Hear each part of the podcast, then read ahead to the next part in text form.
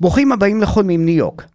המחאה בישראל כלפי המהפכה המשטרית נמשכת. גם בניו יורק מפגינים ישראלים, אם כי במספרים קטנים בהרבה. אנחנו מארחים היום את עומר גרנית, איש הון סיכון והייטק המתגורר בניו יורק. פגשתי אותו בוושינגטון סקוויר מחזיק בשלט קריים מיניסטר. עומר מחובר חזק למתרחש בישראל, והוא מספר לנו על ישראלים שמתכננים להגר לארצות הברית, מוציאים כסף מהבנקים בארץ, אבל בעיקר גם נלחמים על הבית. והוא נלחם על הבית מניו יורק. לי קוראים חיים אנדברקר ואת הפודקאסט הזה עורכת יולה בארי. מה מדליק אתכם לגבי ניו יורק? להשקיע במניות של החברה החדשה הזו. אחוזי הקליטה הם בסך הכל אחוזים. זה היה רגע מכונן שבו... למשוך מבטים של גברים עשויים שריר ורוח.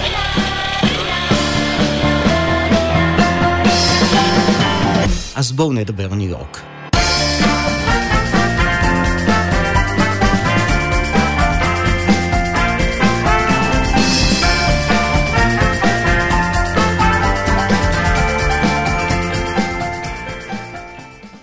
שלום עומר. שלום חי, מה שלומך? מצוין. בעצם לא כל כך. תראה, לפני שאנחנו מתחילים, יש לי הערה אישית. כאשר התחלתי את ההסכת חולמים ניו יורק, חשבתי להימנע מטיפול בנושאים פוליטיים, משום שיש הרבה ערוצים אחרים שמטפלים בהם. רציתי להתמקד בעיר ניו יורק והחוויה הישראלית בה. אבל במצב הנוכחי, מה שקורה בישראל הוא כבר לא פוליטיקה רגילה בעיניי. עתידה של ישראל כמדינה דמוקרטית עומד בסימן שאלה. לא נראה לי שאנחנו יכולים להמשיך בחיים כסדרם גם בניו יורק ולהתעלם ממה שקורה בישראל. אז עומר, אתה היית חייל קרבי בלבנון, אביך היה טייס בחיל אוויר ואחר כך באל על, היום אתה מנהל קרן הון סיכון כאן בניו יורק, זה החלום הישראלי בעיר. אני שומע שהיום הרבה משקיעים מתחילים להיזהר בכל מה שקשור להשקעה בישראל. גם אתה שומע את זה? כן, אני חושב שיש הרבה מאוד אה, דאגה בקרב אה, מש, משקיעים. אני אגב, אני יותר, גם שותף בקרן הון סיכון, אני גם financier, משקיע private equity, כך שאני מסתכל מגוון, מה שנקרא asset classes ותחומי השקעה. אני חושב שישראל מאחד המקומות הכי לוהטים הפכה להיות סוג של pariah, סוג של, וזה בהחלט מטריד וכואב. כן, סיפור מאוד עצוב. כן. אני, אני אגב רוצה להוסיף לך, כן. שנכון שאבא שלי גם היה טייס חיל אוויר אלוף משנה בחיל אוויר, אבל גם אה, סבא וסבתא שלי נולדו בארץ, אה, שירתו במחתרות, ומצד אחד אפילו אני איזה דור שביעי ב, ב, בירושלים, כך שהחיבור שלי לארץ הוא חזק מאוד, ולכן אה, קשה לישון בלילה בימים כאלה. כן, אז אתה מלח הארץ או אנרכיסט? אנרכיסט, תלוי את מי אתה שואל. כן. אני, אני כבר לא בארץ אז קשה לי להגיד מה זה מלח הארץ. אני חושב שבעולם הגלובלי הישראלים, אתה יכול להיות ישראלי ולגור ב, בכל מקום בעולם למעשה, אבל אתה עדיין תמיד תהיה ישראלי. אה, אני אומר את זה לטוב ולרע, הקהילה הישראלית היא קהילה גדולה מאוד אה, תוססת בכל מקום שאתה נמצא בעולם וחלק מאיתנו. כן. אה, כאשר אני פגשתי אותך מפגין בוושינגטון סקוויר, אמרת לי שאתה שומע מחברים, האנשים שאתה מכיר בישראל, שהם בודקים אפשרות להגר. כן, אתה יודע, אנחנו תמיד, אה, אנחנו ישראלים, דיברנו קודם על טראומות, וזה, כן. אני, ישראלים ויהודים באופן כללי תמיד חיים עם עין אחת, גם ישנים עם עין אחת פתוחה. כן. ואני חושב שבלי קשר למה שקרה, ישראלים תמיד חיפשו עוד דרכון ועוד איזושהי אלטרנטיבה, תמיד שיהיה איזושהי דלת או איזושהי אלטרנטיבה, אני חושב שזה האיץ את התהליך הזה בצורה מאוד מאוד אה, רצינית וקיצונית. אנשים שלא חשבתי שיפנו וישאלו איך, איך זה ניתן, מבקשים סיוע. זאת אומרת, אם, אם מה שנותר לנו היום זה איפה, איפה אנחנו יכולים עדיין להשפיע, זה דרך הכלכלה ודרך התרומה שלנו, המילואים, ושני התחומים האלה אני רואה שזה התחומים שבסופו של דבר יכולים להביא את הצד השני. אולי לדבר ולנסות ולפתור כן. את אז ה... אז אתה שומע מאנשים שאתה מכיר שהם בודקים. כרגע בעצם הרושם שלי הוא שנלחמים על הבית ונלחמים ברצינות. כן. במקביל, הם גם בודקים אפשרות להגר. כל מי שיכול, יש לו איזושהי בודק או בוחן איזושהי אלטרנטיבה, שלא יהיה אשליה. אני יודע שיש המון כסף שיצא מהבנקים, אני יודע שהם בהיסטריה, ושזה סיפור לא, לא פשוט בכלל, למרות כל מה שאנחנו שומעים, וזה, יש כסף גדול שיצא מהארץ וממשיך לצאת. כן. הבנקים, היה אפילו חושב שקראתי שהבנקים הזרים פתוחים כל סוף, כל הסוף שבוע הבנקים הזרים פתוחים ויש הרבה מאוד כסף שזורם החוצה. ככה תיארת לעצמך את השהייה שלך בניו יורק להפגין בעד הדמוקרטיה בישראל עם שלט crime minister? אתה יודע, זה הפוך, אני התרגלתי להיות זה שנלחם, אתה יודע, בתור מי שעשה פה תואר שני, ונלחם ב apartheid week, וכל אה, סיטואציה הייתי פה במלחמת לבנון השנייה. זאת אומרת, אני רגיל להילחם מהצד השני, ולהיות, זאת אומרת, להאמין בצדקת דרכה של המדינה שאני כל כך אוהב. היום אני חייב להגיד שזה לא, אני, אני בדיוק בצד השני, אני לא, קשה לי מאוד עם מה שקורה. כן. אחד הדברים אגב שחשוב להבין, אנחנו נמצאים נגיד, אני גר בברוקלין והקהילה היא יהודית, חלקם רפורמים, חלקם ישראלים, חלקם אה, יותר אורתודוקסים.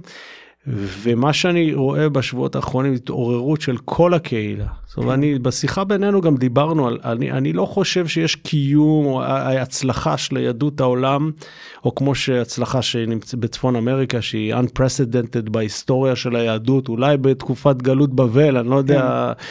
אה, אני לא חושב שהיהודים יכלו להצליח כמו שהצליחו אם מדינת ישראל לא הייתה מצליחה כמו שהצליחה. כן. בעצם אה, אני חושב שישראל, וזה אומרים, אמרו לי יהודים מקומיים, היא בעצם איחדה את הקהילה היהודית כאן. הייתה גאווה בישראל. במשך השנים זה הולך ופוחת. אחד הדברים שבעצם הביאו את הקהילה היהודית ביחד פה, הולך ומתמסמס לו בימים אלה ממש.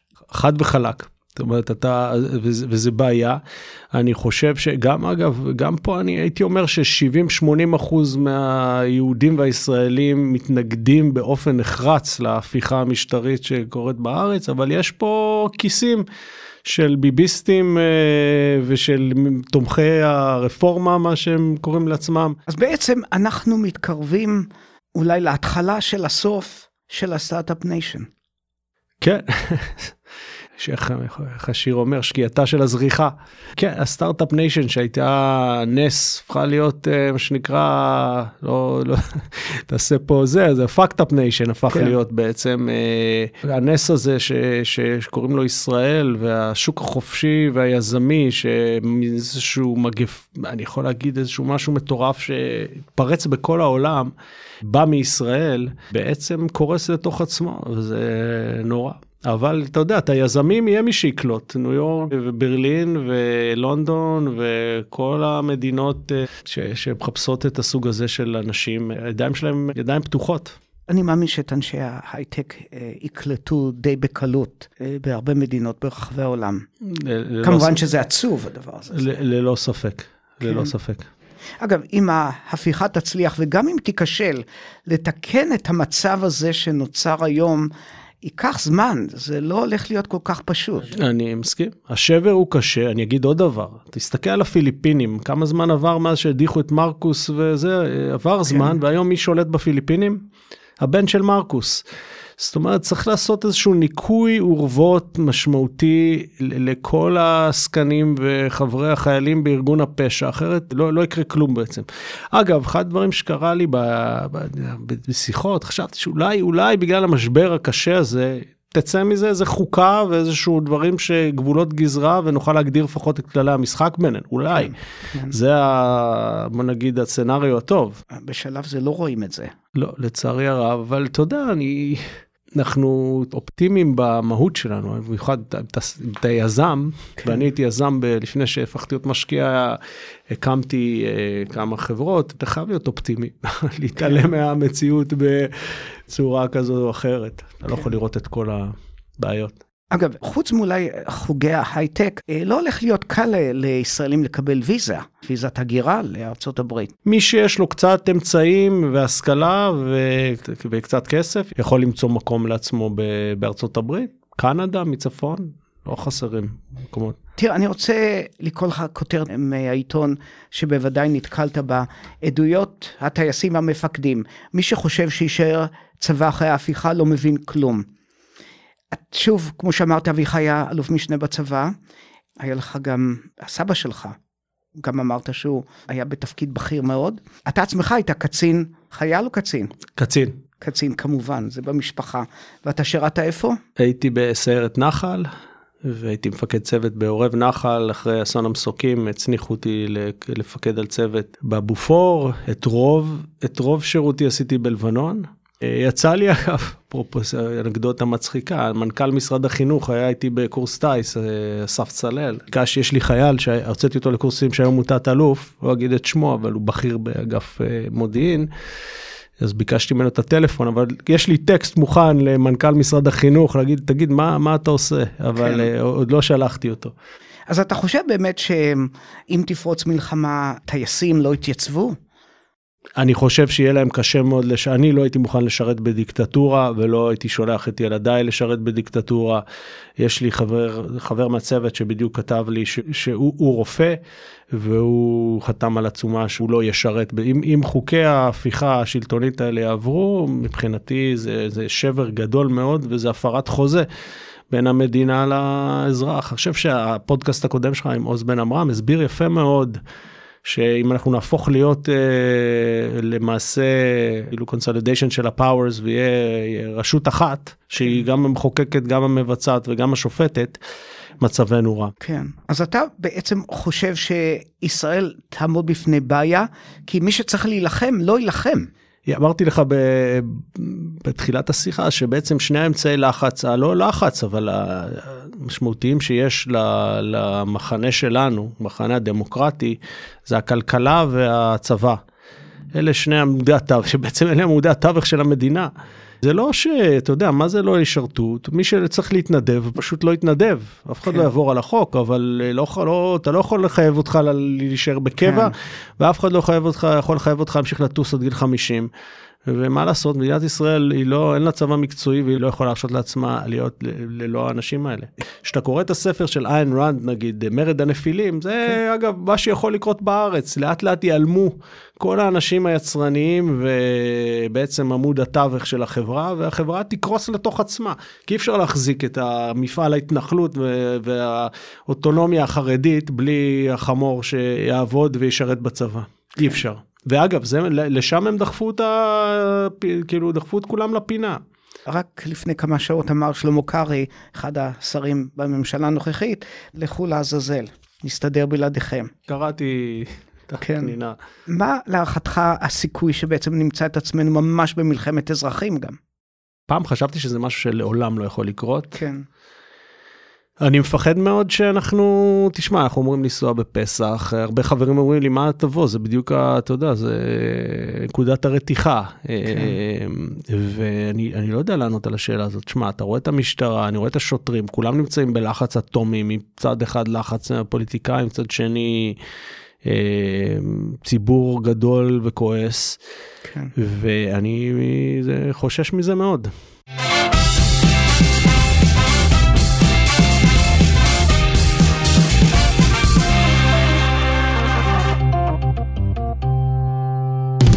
אני ראיתי אותך בהפגנה בניו יורק.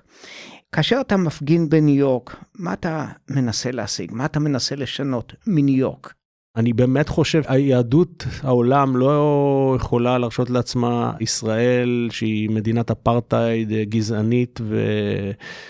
תסתכל על uh, את המחנה של ארגון הפשע, כמו שאני קורא לו, הוא נתמך על ידי אנשים מאוד עשירים, רובם יהודים עם אג'נדות כאלה ואחרות, כמו ששלדון אדלסון אמר, uh, ישראל לא חייבת להיות דמוקרטית. אני חושב שיש גם יהודים uh, טובים פה בארצות הברית, עם ערכים ליברליים, דמוקרטיים, שיכולים וצריכים לתמוך במאבק שלנו. המאבק שלנו הוא גם מאבק שלהם. הם, כל זה שקהלת אמרה, נעשה, נעשה עסקה עם הצרפתים, בלי ארצות הברית אין באמת קיום למדינת ישראל. בלי יהדות ארצות הברית, בוודאי שארצות הברית לא תהיה חלק מה... אנחנו לא, לא נקבל את אותה או אותו יחס.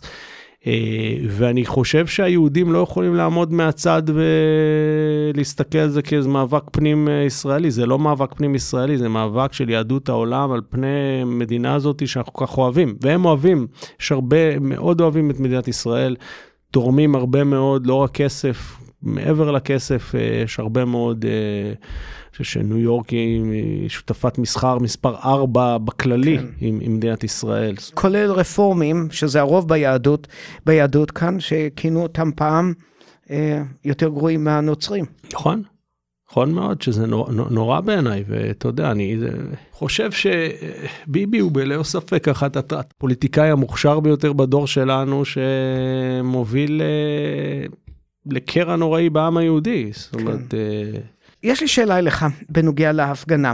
כאשר אני הייתי שם, היו שם משהו כמו 200-300 איש. היו גם אמריקאים, אולי מחציתם, זה ניחוש. לא היה לי שם דרון כדי לספור אותם, אבל לא ראיתי שם הרבה הייטקיסטים, היו, אבל למה ישראלים לא באים להפגין יותר? אני חושב שכשאנשים הם מהגרים במדינה והם לא מרגישים, אין להם את הביטחון הכלכלי אולי, והם לא רוצים להיות, קצת מפחיד אותם להיות מזוהים עם איזושהי כן. מחאה. אה, אבל, אבל אני חייב להגיד לך שאני אני עוקב אחרי מה שקורה בקבוצות, אה, ואני חושב שיש התעוררות גדולה מאוד. כן. אה, ראית שגם יש בפאולו אלטו וגם יש בסיאטל ובאוסטין ובהרבה מאוד מקומות, אתה יודע, יש ויכוח שאנשים אומרים, בפילדלפיה עכשיו, כן, דווקא נכון, סיפור לי זה ראיתי עכשיו. שזה על רוקי. כן. אה, אני חושב ש... תראה, לא ברור כמו שאתה אומר, גם אצלי במשפחה, אפילו אומרים, מה אתה הולך להפגין? אתה, מה אתה הולך, אם יש לי ויכוח עם חברים, מה אתה הולך להפגין? אתה נמצא פה בניו יורק, מה אתה בכלל זה? אז אני אומר, תראו, אני נתתי את מיטב שנותיי למדינה, כן. כן. שילמתי מיסים, הקמתי עסקים, העסקתי אנשים, מרגיש שיש לי המון הייתי מוכן לתת את חיי עבור המדינה הזאת, יש לי סטייק במדינה הזאת, עם כל כן. הכבוד, אני כן. מרגיש שאני חייב לעשות משהו, וזאת הדרך ה- ה- הראשונה שיש לי ללכת עם שלט ולעמוד, שידעו. כן. אה, להגיד לך כמה זה אפקטיבי, אני חושב שזה התחלה, אי אפשר, דברים מתחילים. אז נכון שיש לאנשים בעיה אולי מנטלית ללכת להפגין. בעד ישראל, נגד ישראל, אתה לא תלוי איך מסתכלים על זה. אל תשכח, אתה רגיל, כשאתה חי בחו"ל, אתה, אולי אתה מכיר את זה גם כן, אני מניח, ש, שאתה כל הזמן בהגנה על נכון, מדינת במגננה, ישראל. כן. ההפך, נכון. אתה, אתה זה זה שמגן ונמצא שם, אומר, מה נכון. פתאום, אני, אנחנו הצבא המוסרי בעולם, העם המוסרי בעולם, אנחנו בכלל נכון, נלחמים. נכון. ופתאום אתה הופך תקליט, ורגע, עכשיו אמריקאים מסתכלים ואומרים, מה אתה רוצה רגע? אתה בעד ישראל? אתה נכון, נגד ישראל? פה יש איזושהי בעיה, והשאלה למי אנחנו מפגינים ומול מי אנחנו אומרים את זה. עכשיו, זה נורא קשה להסביר לחברים האמריקאים בהתחלה מה, על מה, מה אנחנו מדברים בכלל, ויש המון דיסאינפורמציה, והמון, אה, כמו שאנחנו יודעים, פייק ניוז, ו- וזה לא פשוט בכלל. אני חושב שהמטרה היא לרתום את יהדות ארצות הברית, הליברלית, הפרוגרסיבית, בהיבט של הערכים הדמוקרטיים, לא... אני לא חושב שמחפשים את, לא יודע מה, ברני סנדרס דווקא, אבל, כן. אבל אנשים כמו מייקל בלומברג שכתב בניו יורק כן. טיימס בסוף שבוע, רובינסטיין, דיוויד רובינסטיין מקרלייל, כל מיני אנשים כאלה, אנחנו רוצים, חושבים שנכון, אני חושב שנכון שהם יהיו מעורבים, בדיוק כמו שג'פרי יאס ושלדון אדלסון מעורבים מהצד השני, גם הליברלים, הדמוקרטים. ערכי הדמוקרטיה יכולים להיות רפובליקאים כן. ואתה אומר שהם מתעוררים עכשיו. כן. והדוגמה של מייק, מייקל בלומברג היא דוגמה טובה מהבחינה הזאת. לגמרי, זה כן. לא יכול היה להיות יותר טוב, אני חושב, אה, הוא בן אדם שאנשים, גם הדמוקרטים וגם הוא היה רפובליקאי, נכון. ואחר כך הפך להיות, הוא unaffiliated, הוא רץ עם הזה, אבל הוא איש עסקים, ראש עיריית ניו יורק לשעבר, תומך ישראל, אף אחד לא יכול לקחת ממנו את זה. כן, וידיד של ביבי. זה ידיד כדי- של ביבי, אגב ראינו גם שאלן דרשוויץ שהוא כן. גם כן ידיד של ביבי טוען נגד ההפיכה המשפטית הזאת. כן, זה נכון. Uh, תראה, כשאני כתבתי על הנושא של ההפגנות uh, בניו יורק ובכל רחבי ארצות הברית, האמת היא שהייתי, רציתי לתת קרדיט לכמה וכמה מפגינים, כולל המארגנים, ומה שאני גיליתי, ואני לא מבקר את האנשים, שבעצם אנשים חוששים לדבר באופן גלוי. הם חששו משום שיאונה להם רע. זה, זה עצוב מאוד. לאו דווקא הם חוששים כאן מהשלטון בארצות הברית, אלא שמישהו בישראל יבוא איתם חשבון. כן, אחד הדברים שאני שמח שבאמת אין לי תלות בשום דבר שתלוי בישראל, או בכלל אני לא תלוי במישהו, במשהו ספציפי, ולכן אני שמח, אתה יודע, אני יכול להביע דעתי בלי חשש. כן. זה מטריד, אבל כמו שאתה אומר, ההשתלטות על התקשורת, השופרות, האלימות אה, כלפי כל מי שלא מיישר קו עם, ה, עם השלטון, עיין ערך אנשים כמו דוד חודה. שאתה יודע, אני, יצא לי קצת לעבוד איתו כעורך דין, אה, איש משכמו ומעלה, ואני מנסה לחשוב על עוד כמה כאלה שאפילו זאביק רץ, שהיה טייס אה, מהולל ומחנך, כן. אנשים מדברים מדם ליבם, והופכים אותם להיות אויבי. אתה יודע. כן. אנרכיסטים, טרוריסטים קרא להם הג'וניור. אגב, יש שטוענים גם שהפגנות, אפילו של ישראלים, בסופו של דבר יעוררו אנטישמיות, יעודדו את אנשי ה-BDS. אני חושב שהשירות הכי טוב ל-BDS עושה המשטר הנוכחי בארץ, אה, אפילו ראיתי שהשתמשו בסרטון המצחיק של אה, גלית סיטל, אה, בתנועת ה-BDS השתמשה בו באופן ספציפי בגלל איך שהוא נעשה בצורה חובבנית. אני, אני חושב שאין ספק, גם אנחנו נמצאים בסיטואציה מאוד מורכבת מבחינה עולמית, כן. שקיעה של הדמוקרטיות המערביות, אין באמת מנהיגות אה, רצינית, אין לנו מנהיגים כמו צ'רצ'יל אה, או רוזוולט, ביידן בן 80, אף אחד לא יודע אם הוא ימשיך לרוץ, אני לא רואה פה מנהיגים גדולים קמים כן. אחריו. אנגליה בחרה גם כן אחרי סחרור עם כמה ראשי ממשלה, זאת אומרת אנחנו, אנחנו בבעיה, וגם והיהודים אגב הם הראשונים שחוטפים כשהעולם כן. נמצא בחוסר איזה. כן, אז, אז אני אענה כן ולא, אני באמת חושב שהכוח של הקהילה היהודית הוא בקיום של מדינת ישראל, לטוב כן. ולרע. אה, מי ששומר בסוף התעודת ביטוח שלנו היא המדינה, וזה, וזה, וזה גוף אחד, בעיניי לפחות ככה אני רואה את זה, ולכן זה נורא חשוב שהם, שהם יהיו מעורבים, וההפגנות פה הם בשביל שהם יתעוררו. אני מסכים שהיום המספרים אולי לא נראים כל כך גדולים, אבל לעומת העבר, המספרים הם, אה, זה הרבה יותר משמעותי, בעבר לא ראית ישראלים מפגינים, היום אתה רואה אותם. מה שישראלים כאן אומרים לי זה שמתקיימות הפגנות במקביל של ארגונים אנטי-ישראלים שלא קשורים אליכם, ואולי יכול להיווצר כאן איזושהי, יכול להיווצר איזושהי טעות אופטית, שאתם, שאתם מאוד פרו-ישראלים בסופו של דבר, ואותם ארגונים שנחשבים לאנטי-ישראלים, הם מתערבבים ביחד. אני לא, לא בטוח שאתה רוצה את זה. כן, אתה צודק. אגב, אתה ראית, אני מניח, בקבוצת וואטסאפ השבוע, היה איזו הפגנה של ארגון אה, JVP, שהוא ארגון ש... איך אמר מישהו בקבוצה, אה, הפלסטינאים, אפילו הפלסטינאים ויתרו על חלק מהדרישות של הארגון הזה במשא ומתן. כן, זה, זה לא פשוט, אני אומר, גם ליהודים וגם זה להסביר ולהגיד, אוקיי, רגע, אנחנו במונטי פייתון, Judean front of אה, זה, לא, אנחנו כן. people's front of Judea. כן. זה לא פשוט וזה מורכב, כי אנחנו כן. ציונים, אנחנו מאמינים בזכות שלנו לקיום אה, במדינת ישראל. אני אישית נגד הכיבוש, אני חושב ש, שחייבים, שאני בעד פתרון לשתי מדינות, אני חושב ש... אין לנו קיום אבל יש אנשים שאתה יודע איפשהו החפיפה יש overlap אה, כן. עדין פה ו, וזה מורכב כי אתה צודק יש הרבה גופים אנטי ישראלים שמנצלים את המצב. אבל אין לנו ברירה אחרת. אם מדינת ישראל תהפוך להיות, אם החקיקה הזאת תעבור ובאמת תבטלו את הרשות השופטת אה, הלכה למעשה, אני לא אוכל להמשיך לתמוך במדינת ישראל כמו שהיא היום, כמו שתמכתי, וכמוני עוד 70-80 אחוז מהישראלים ומהיהודים שנמצאים פה.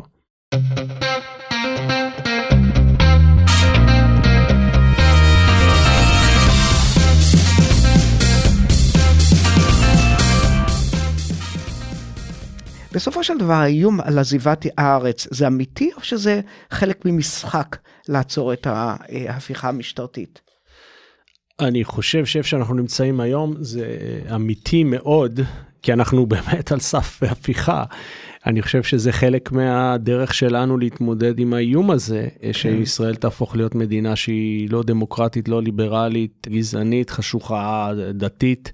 לא מקום שאני הייתי רוצה לגדל בו את ילדיי, ורוב חבריי אה, גם לא היו מוכנים. אז אה, אני, אה, אני חושב שכמעט 90% מהאנשים שאני מכיר, כבר יש להם דרכון נוסף ואופציה לצאת אם הם רוצים. אם הם יצאו זו שאלה, אני חושב שהרבה יישארו וילחמו עד, ה... יילחמו עד שכבר, עד שיבינו שהסיפור אה, הוא אבוד לפחות לשלב הזה. אגב, יכול להיות שאנחנו הפסדנו את הקרב הזה, אבל המלחמה היא... יכול להיות שייקח זמן, אולי צריך להקים ממשלת אה, צללים, אני לא, אני עכשיו סתם חושב שאולי צריך אולי. לחשוב על היום אחרי, אני כן. לא, אנחנו עוד לא שמה, כן. אבל יכול להיות שצריך לחשוב על היום אחרי, אה, אנחנו, אתה יודע, אני לא חושב שאנחנו נוותר כל כך מהר, זה לא יהיה מלחמה, זה לא יהיה נוקאוט. זה לא כל כך מפריע ל...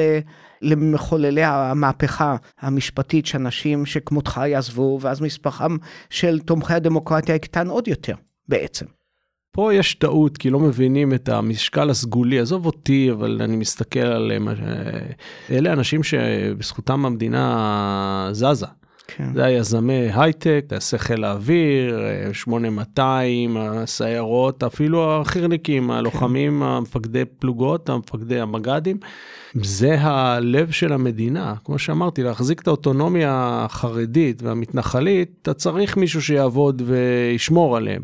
כן. הם לא אוטונומיות יצרניות, המתנחלים, אין ספק שיש להם... הם נמצאים והם משרתים, חלקם לפחות, אבל משקלם באוכלוסייה הוא קטן. כן. יש שטוענים שמאחורי כל המהפכה עומד דבר אחד, ביטול המשפט של נתניהו. אז היום אתה בעד עסקת טיעון עם נתניהו, אם עוצרים את, את גלגלי המהפכה? אני אישית חושב שזה יהיה הרסני אם יעשו איתי עסקת טיעון. אני בתור עורך דין מוסמך בארץ, מוסמך פה גם בארצות הברית, אני חושב שאסור שיהיה אדם שהוא מעל החוק. דווקא אני חושב שכמו שעם טרוריסטים לא מנהלים משא ומתן, חייבים למצות את ההליך. אני חושב אגב שמנדלבליט גרם לנזק נוראי, איך שהוא הוא מסמס את התיקים, הוא חיבל בהם, הוא לא, הוא, הוא איחד אותם במקום שכבר עכשיו היינו יכולים להיות אחרי הרשעה אחת לפחות. אני חושב שחייבים למצות איתו את הדין, כמו שמיצו את הדין עם אולמרט, כמו ש... עם, עם, עם אחרים, יכול להיות שאני, אתה יודע, אולי איזה גישה, אבל, אבל איזה מסר אנחנו שולחים אחר כך בעצם? מה אנחנו אומרים ל, לכל כן. האזרחים? האם החוק הוא דבר פלואידי, אפשר תמיד, אה, זה, לא, למה ש... למה אנחנו אומרים, אם ברזים נפלה שלהבת, כן. למה יגידו אזובי הקיר? כן. בוא ספר לנו את הסיפור שלך. נולדתי בארץ, אה, בסיס חיל האוויר תל נוף, אבא שלי היה טייס בחיל אוויר, אימא שלי הייתה עורכת דין, אה, תובעת מחוזית, ראש האינטרפול במשטרה הרבה שנים, ראש היחידה לתפקידים מיוחדים. סבא וסבתא גם נולדו בארץ, חוץ מסבא אחד שהיה ניצול שואה. יש לי סבא ששירת בצי הבריטי במלחמת העולם שנייה, נלחם בנאצים, אחר כך בהגנה. אז אמרתי, אני גדלתי בבסיסי חיל האוויר, עד שבעצם תיכון, הייתי בתיכון בגרמניה ואחר כך בארצות הברית. גרמניה היה ברלין של שנת 92, קצת אחרי שהחומה נפלה, הייתה חוויה, אבא שלי היה שליח של משרד ראש הממשלה. עשה שם איזה פרויקט, ואני מצאתי את עצמי, זו העיר הראשונה שגרתי בחיי מחוץ לבסיס חיל אוויר. הייתה חוויה שאני חושב ש... אני הייתי בפריז באותם ימים, ואני זוכר את הימים האלה, הימים האופטימיים. כן. אז איך הייתה, אז ההתרגשות הייתה גדולה בברלין באותם הימים. זה היה חוויה שאתה יודע, היום אני מנסה להסביר לחברים מה זה היה להיות שם בברלין בתקופה הזאת, זה היה משהו מיוחד. מה גם שאני חוויתי את החוויה האמריקאית, הייתי בבית ספר אמריקאי בברלין. אני חושב שוב, זה שינה לי את החיים, אחד הדברים שבסיבה שאני נמצא פה, או בכלל אוהב את, ה... את הטיולים האלה, או את הלשנות, זה, זה קשור למעבר שלי אז, כילד. לפני זה, כשגרנו בבסיס חיל האוויר פלמחים, למדתי ביבנה, אחר כך גם גרנו שם, היה שכונה צבאית, שם פגשתי כן. את אשתי. מור, שהיא הבת של אה, אילן בירן, אלוף מילואים, במילואים, זה היה שכונה של אה, אנשי צבא, טייסים וקצינים בכירים. אני זוכר גם את התקופה של אה, רבין, רצח רבין, אילן היה אלוף פיקוד מרכז אז, מור ואני היינו כמובן היינו ביחד בתקופה אתה הזאת. אתה ממש מלח הארץ, אנרכיסט אבל ממש מלח הארץ. אנרכיסט, לא יודע, כן, מלח הארץ. קיצור הייתי כמו שסיפרנו הייתי בלבנון אה, מהרבה שנים. אה, באיזה שנים? שנות התשעים בעצם מ-95 עד 97. הספקתי להיות בקורס טיס אה, שנה. אתה נפל של המשפחה זה לא הצליח. מה לעשות. ואז טיול אחרי צבא, לימודים, האמת ש... אגב, אני לא רוצה לגמור את זה כל כך מהר עם לבנון. לבנון זה היה מקום שבעצם, הרבה אנשים שאני פוגש, אה, יצאו משם עם טראומה לא קטנה.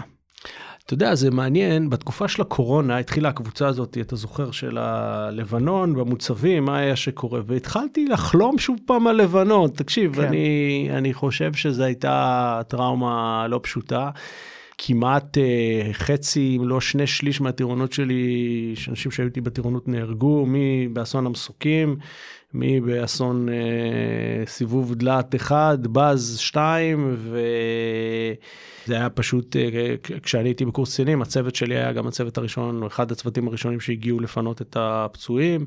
כל, כל שבוע איבדנו חבר אחר או אנשים וזה זכור לי כתקופה מאוד מורכבת.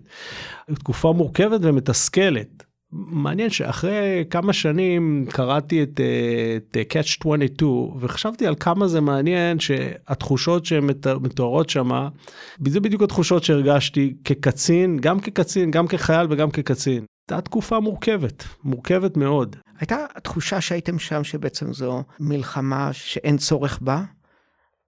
כן, הרבה מהדברים שעשינו גם נגדו חלק גדול מהאימונים שלה. זאת אומרת, אני זוכר, אה, אני זוכר שהייתי בבופור וזיהינו בעצם מישהו שעולה לשגר אה, טיל על הבופור. ולא נתנו לי אישור אה, לירות, אנחנו היינו קרובים והיינו באיזה מערב ולא נתנו לי אישור לירות, חזרתי לבופור, פגשתי שם את מח"ט הנחל, היה אז אילן הררי, הוא אומר לי, תירגע, אני הייתי עצבני, הוא אומר לי, תירגע, אנחנו פה ב... המטרה היא לשמור על אה, יישובי הצפון, יש לנו הבנות עם אה, חיזבאללה, אתם יורים לתבנית, הם יורים לקריית שמונה, אנחנו לא יורים לתבנית. אז אמרתי, רגע, מה התפקיד שלי פה? אני ברווז. וזה ליווה אותי לאורך כל השירות אחר כך, הסיפור הזה, והבנתי, אוקיי, אני רוצה עכשיו, אה, בתור קצין, לשמור על החיילים שלי, לוודא שאני עושה משימות שיש להם... אה, שיחזרו הביתה בשלום. לא רק שיחזרו הביתה בשלום, שיש להם איזשהו ערך. איזשהו, ו- וחלק גדול מהמשימות לא היה להם שום ערך. כי זו הייתה מלחמה בלתי אפשרית, שצה"ל קשרו לו את הידיים מאחורי הגב, בנסיבות של מלחמת גרילה. מאוד מורכבת ומאוד אה, מסובכת, שבעצם כל היתרון הגדול של צה"ל לא היה קיים כי קשרו לנו את הידיים מאחורי הגב. אז אה, אגב, אני, אתה יודע, אנחנו בסוף, אתה חייל, אתה אמור לבצע מדיניות. יכול להיות שזאת הייתה המדיניות הנכונה, אני לא יודע, ההכלה הזאת, וזה, אהוד ברק הוכיח שזה היה, שלא היינו צריכים להיות שם. כן. אבל כחייל אתה יודע, אתה בגיל, לא סתם שולחים אותנו בגילאים האלה. אני רציתי להיתקל והייתי בקרבות בלבנון, ושוב, זה מלווה אותי. כן. אני נתקל כאן לא מעט בחיילים לשעבר פוסט-טראומטיים. אז זה נכון, כל אחד מגיע מסיבות אחרות, אבל אם מאזינים לפודקאסטים הראשונים, ולאו דווקא גם האחרונים, חלק מהסיבות שאנשים נמצאים מחוץ לישראל זו אותה פוסט-טראומה וניסיון אה, לנסות אולי להתגבר על זה. אולי הסיבה הרשמית היא כלכלית, אבל יש גם סיבות אחרות. אין ספק, אני מכיר פה כמה אנשים ש... את החוויה, תראה, הקיום שלנו וה... הוא לא כולו גן של שושנים, וכל כמה שנים אנחנו חיים על החרב בכל זאת. כן. ויש משהו ב... בניתוק הזה שהוא עושה טוב, לא יעזור כלום. זה, זה חלק מהריפוי, אני חושב. זה לא פשוט להיות שם בישראל, כשאתה חושב על הדברים האלה.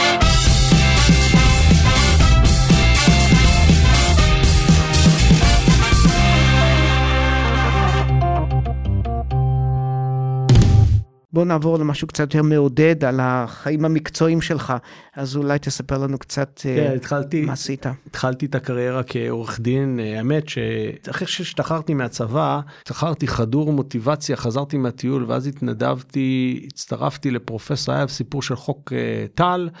והתנדבתי בחוקה לישראל של פרופסור רייכמן, שאני חושב אגב שהיום, היום כשאנחנו חושבים על ה...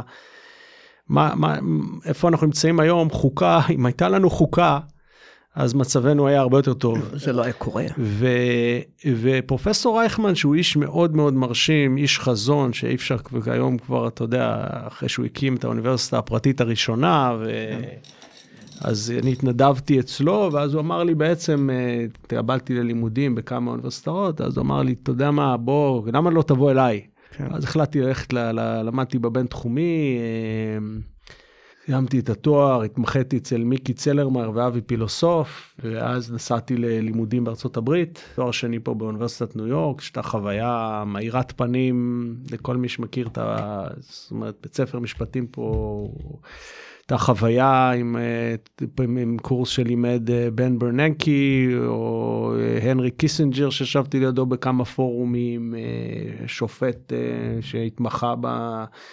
ביל אלן שהיה צ'אנסלר של דלוור בתקופת הגל המיזוגים הרביעי. בקיצור, היה תקופה מאוד, היה מאוד מעניין. עבדתי פה באחת הפירמות הכי גדולות בעולם, white and case, שם פגשתי את עוז בן עמרם גם. הייתי פה בתקופת המשבר של 2008 עד uh, 2011 בעצם. כן. אז קיבלתי הצעה לעבור למגדל, לקבוצת מגדל, עברתי למגדל שוקי הון. התפקיד האחרון שלי שם הייתי בתחום של הפיתוח של מוצרים, ניהול השקעות אלטרנטיביות, בעצם היה לי מין אה, כרטיס פתוח לעשות דברים מעניינים אה, בשם הקבוצה, עבדתי עם אהרון פוגל ישירות ועם רונן תורן. כסף של אחרים. לא, אבל רונן תורם שהיה מנכ"ל אה, מגדל שוקי הון, אה, פיתחנו כמה, הקמנו כמה קרנות גידור וחתמנו על כמה עסקאות גדולות שאני הובלתי יחד עם ים רובינשטיין על סטייט אה, סטריט ועם בלק רוק, היה תקופה מעניינת. אחר כך עברתי ללונדון לנהל איזשהו family office של מיליארד וחצי דולר. אה, מי ה family? משפחה של יהודים, את הכסף שלהם הם עשו ב, בעיקר ב-oil and gas distribution באזור אה, גיאורגיה וים השחור, מכרו את זה ועברו ללונדון עם הרבה מאוד מאוד כסף, עזרתי להם לבנות את חברת ההשקעות שלהם. עשיתי את זה במשך אה, שנתיים, אה, חזרתי לארץ ב-2016, קודם כל הקמתי קרן גידור. שנקראת West for Capital, יש לי שם קרן שמנהלת כמעט 100 מיליון דולר, אה, ובמקביל חיפשנו מקום לשבת, וחבר טוב, אייל נווה, שהוא היום מנכ"ל מיקסר, החלטנו להקים חברה שעושה חללי עבודה משותפים, זה היה בדיוק שיא הטרנד של WeWork. אז התחרתם ב-WeWork? התחרנו ב-WeWork, הצלחנו לגייס 40 אה, מיליון דולר. מי שהוביל את העסקה זה היה האוורד שור, שהוא financier בריטי, אבל מאחוריו היה גם מייקל מילקין וגוגנהיים פרטנרס, משקיעים מאוד רציניים. כן. הצלחנו לגייס כסף, אבל הטרנד אה, שקע יחד עם ה... אחרי שגייסנו, הטרנד אה, קצת שקע, אדם נוימן נבעט מ-WeWork והבינו שה...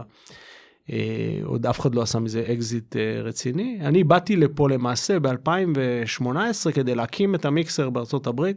התחלנו, היינו אמורים לפתוח, היה לנו איזה שיתוף פעולה, המרכז ש-JVP יושב פה היה המרכז שאנחנו מצאנו, ובסוף זה לא אוקיי. הסתדר. אה, תמיד יש קשר ישראלי מאחורי כן, אבל אני, אני מצאתי את הבניין שהוא יושב שם אראל מרגלית.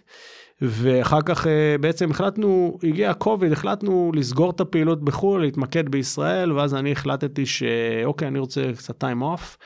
בתקופה הזאת לקחנו את המשפחה, שרנו את הדברים פה ועברנו לקולורדו, שכרנו שלה בהרים, היינו שם עשרה חודשים. איפה בקולורדו? ליד וייל.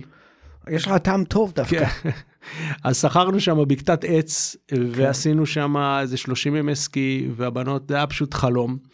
ואז התחלתי לחשוב, כי מה אני עושה, מה הדבר הבא, ומשם בעצם יצאו שני הדברים שאני עוסק בהם היום, שאחד זה באמת, אה, יש איזה, אה, יש קרן הון סיכון שאני שותף בה, נקראת Infinity, the single LP Family Office בלונדון שניהלתי, בעצם הוא המשקיע היחידי בקרן הזאת, מנהלים מעל באזור 50 מיליון דולר. אני שותף, אני מנהל את ועדת ההשקעות של הקרן הזאת. אה, אז זה חצי מהזמן שלי, אני עוסק בזה, והחצי השני, אני בעצם אה, מתעסק בהשקעות private equity, מחפש חברות שהן... אה, נסחרות בבורסות משניות. באופן לא, עצמאי או... באופן, family office, בעצם הכסף שלי הפרטי, מאוד יש לי שני שותפים, ים רובינשטיין שנמצא בארץ, ועוד בחור פה אמריקאי שגם יש לו, היה מנהל קרן ענקית של בלקרוק. כן. עשינו עסקה לדוגמה באוסטרליה, השתלטנו שם על חברה ציבורית, ועכשיו אנחנו מסתכלים על עוד כמה עסקאות דומות. אז... אה, ובזמנך החופשי אתה מפגין. בזמני החופשי אני מפגין. וכן, גם מארגן, אני בקשר עם אה, חבורה של קריים מינסטר, עם ישי הדס, אני מנסה פה עכשיו לעזור להם מבחינת הגיוס כספים. אה, מה שמעניין במחאה הזאת, אני חוזר להתחלה של השיחה, כן. אבל זה שהיא היא באמת, אה, זאת אומרת, כל הזמן אה, נתניהו מחפש מנהיג. מחפש לפיד, תגיד להם, אה, גנץ, תעשה, אבל, אבל אין, אז הם לא שולטים במחאה הזאת, זה לא הם בכלל. זה, המחאה היא, היא עממית אמיתית, ואין אז פה... מי איזה- המנהיגים של המחאה אז זה הזאת? מעניין, אני חושב שאני מסתכל, אתה יודע, אני כמוך מסתכל ברשתות ועוקב, אני אחרי קריים מיניסטר עוקב הרבה זמן, כי הם עוד היו פעילים במחאה, הם זיהו את התהליכים עוד הרבה לפני, אבל יש את uh, שקמה ברסלר, אני חושב שהיא מנהיגה רצינית, ויש את ישי הדס, ו... אמ, יש חבר'ה שהם קצת מאחורי הקלעים של האחים לנשק, של ה... שזה חבר'ה של סרט מטכ"ל, שאייל נווה, השותף שלי במיקסר, מעורב שם כן. מאוד. אז כן, בזמני הפנוי אני... אני... כן. אה, אני בסך מבין. הכל, אבל אתה רואה, אם אתה החזרת אותי לנושא הזה, אני לא רואה איזשהו מנהיג מוביל לצד המרכזי-שמאלי. מישהו שאתה יכול להגיד, וואו, זה בן אדם כריזמטי, שאנחנו יכולים לבוא ולהגיד, זה האיש שיכול ללכת ולהתמודד מול הממשלה הנוכ- הנוכחית. אז יש את לפיד ויש את גנץ ויש אחרים, אבל אין לך מישהו שמוביל. אין. זה אין. עצוב קצת, לא? כן. דיברנו על זה גם כן, שיש ואקום רציני של מנהיגות בעולם המערבי. אף אחד לא באמת רוצה להיות, אה, להתעסק בפוליטיקה. זה כן. זן מאוד, תראה איזה אנשים זה מושך בעולם, בארץ במיוחד אתה רואה שזה הלך לצד הפחות אה, מרשים של האנשים. אני חושב שזה בעיה קשה, כי צריך בסוף לקום. הייתי רוצה לראות את שקמה ברסלר נגיד, אה, או ישי הדס, אני לא יודע אם הם ירצו. כן. אגב, יש הבדל גדול בין אה, להוביל מחאה לבין היום אחרי. ול, ולהנהיג. היום אחרי הוא תמיד אה, יותר מורכב, אתה יודע, תראה תראה, מה קרה למחאות. בחוגים, בחוגים שלך, אני חושב שמאוד נהוג לומר שבעצם פוליטיקה זה עסק מלוכלך ולכן לא רוצים להתעסק עם זה. לדוגמה הייתה מנהיגה דווקא מהימין, ציפי לבני. אז היא בעצם עברה לצד, לצד היותר מרכזי, ובסופו של דבר היא פרשה. אבל יש הרבה כאלה, אז בעצם אנחנו באים ואומרים צריכים מנהיגות, אבל אנחנו משאירים את המנהיגות לאנשים שהם לאו דווקא המוכשרים ביותר. אני, אני מסכים, זה בעיה, זה בעיה קשה אגב, אני אומר, זה לא בעיה שהיא רק ישראלית, היא בעיה נכון. כלל אה, מערבית, בוא נגיד ככה. אה, גם בארצות הברית אתה מסתכל מי האנשים, אין. אבל אם אנחנו... וזה מדינה של 300-350 מיליון נכון. בני אדם, בסוף אתה רואה אבא ובן, אחר כך בעל ואישה, ובסוף קיבלנו את טראמפ ועוד פוליטיקאי בן 80 שהוא career politician. איפה כן. כל הכוכבי, אתה יודע, איפה, מה קרה לכל הטוני בלרס של העולם? ו... נכון. זו שאלה טובה, ותסתכל מה קרה למהפכות, נגיד האביב הערבי במצרים, הוביל אותם לשום מקום. כן. אה, המון מהפכות, בעצם, אתה יודע, אחרי שעשו את המהפכה, רגע, אז מה בעצם קרה? אה, זה לא בהכרח הוביל למצב יותר טוב, וזו שאלה טובה מה יהיה אחרי. תראה, יש אדם אחד שכשהוא מדבר הוא נשמע לי מעולה לתפקיד מהסוג הזה, אבל אני יודע שמאוד לא אוהבים אותו בישראל, זה אהוד ברק. אני, אני מסכים איתך, אני יודע שאני אני גם כן חושב שהוא אחד, ה, אחד האנשים יותר מרשימים שאני נתקלתי בהם, ואני בהחלט הייתי תומך, אה, אני חושב אגב שהוא בן אדם עם המון רעיונות, כאילו, כ... הבעיה העיקרית שלו הייתה זה שהוא לא הצליח לנהל לשכה כמו שצריך, זה אתה נכון, יודע. זוכרים לו שהוא לא היה ראש ממשלה טוב, כך אומרים. אז, אז, אז הוא בהחלט, אני חושב שהרעיונות שלו הם מאוד טובים, השאלה אם הוא יודע להגיע מ-A ל-B, אני לא, אולי הוא למד, ביבי למד הרבה מאז הקדנציה כן. הראשונה שלו, אני מסכים איתך שאהוד ברק היה יכול להיות ראש ממשלה מצוין, אני לא חושב שהוא בכיר, לצערי הרב, אני אה, בכיר כן. עם, עם חטא, אבל, אבל אה, כן. אני לא חושב שהוא בכיר לצערי, ואני לא רואה, אתה יודע, יאיר לפיד ובני גנץ, שאני חושב שיאיר לפיד עשה עבודה לא רעה בתור ראש ממשלה, אבל... ובני גנץ, אגב, שהיה שכן שלי בבסיס פלמחים, ואחר כך ישב גם במיקסר את כל הקמפיין שלו, אז אני מכיר אותו לא רע. אני לא יכול להגיד שאני מסכים עם כל המהלכים שלהם. הייתי רוצה לראות אותם יותר אה, חכמים ויותר אה, אגרסיביים ויותר מייצגים אה, כן. את העם.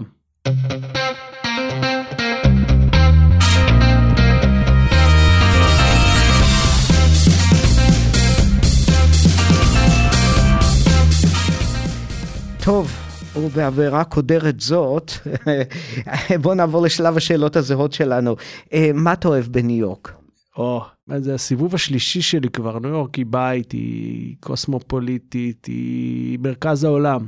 מרכז העולם הפיננסי, מרכז העולם הזה, מושך אליו את כל האנשים, ה-cream of the crop, אין, אין לה תחליף, עם כל הכבוד. כן. אם כי אני זוכר שבאחת השיחות שלנו אמרת לי שאם היית יכול ללכת לחיות בקולורדו ולעשות שם סקי כל הזמן, היית עושה את זה. אי אפשר לעשות סקי כל הזמן, אז זה כן, הבעיה, זה נכון. אבל, אבל, אה, אבל אה, אולי הייתי עובר שם לתקופה קצרה, אבל אה, או חלק מהזמן הייתי מבלה שם, אני לא חושב שאני יכול להתרחק מניו יורק ל... אתה יודע, מאז שהשתחררתי, אני חושב שלא הייתה שנה שלא הייתי בניו יורק, לא יכולתי להתרחק ממנה ליותר משנה, אין... כן. אה, יש איזשהו מקום בעיר הזאת, שהוא המקום הסודי שלך. זה לא כל כך סודי, אתה יודע, אני מאוד אוהב את וושינגטון סקוויר. כאילו, אני למדתי שם, זה מקום שנותן כן. לי תמיד אה, אנרגיה טובה, וכשאני רוצה לקבל קצת אנרגיה חיובית, אני הולך לשמוע קצת ג'אז מאנשים, או לראות את כל האנשים ה-weirdos, או להסתכל, אתה יודע, לראות את הבית ספר שלמדתי בו, אז אני מאוד אוהב את אה, וושינגטון סקוויר.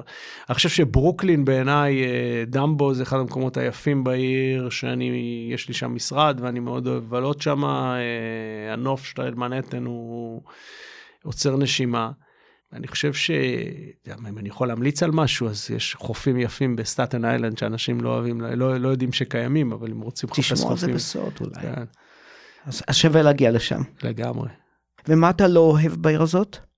אה, קשה לפעמים עם ה... בוא נגיד עם הלכלוך ועם כל ההומלסים שנמצאים פה, זה לא דבר שהוא נעים, אה, נעים לעין ולא נעים ללב.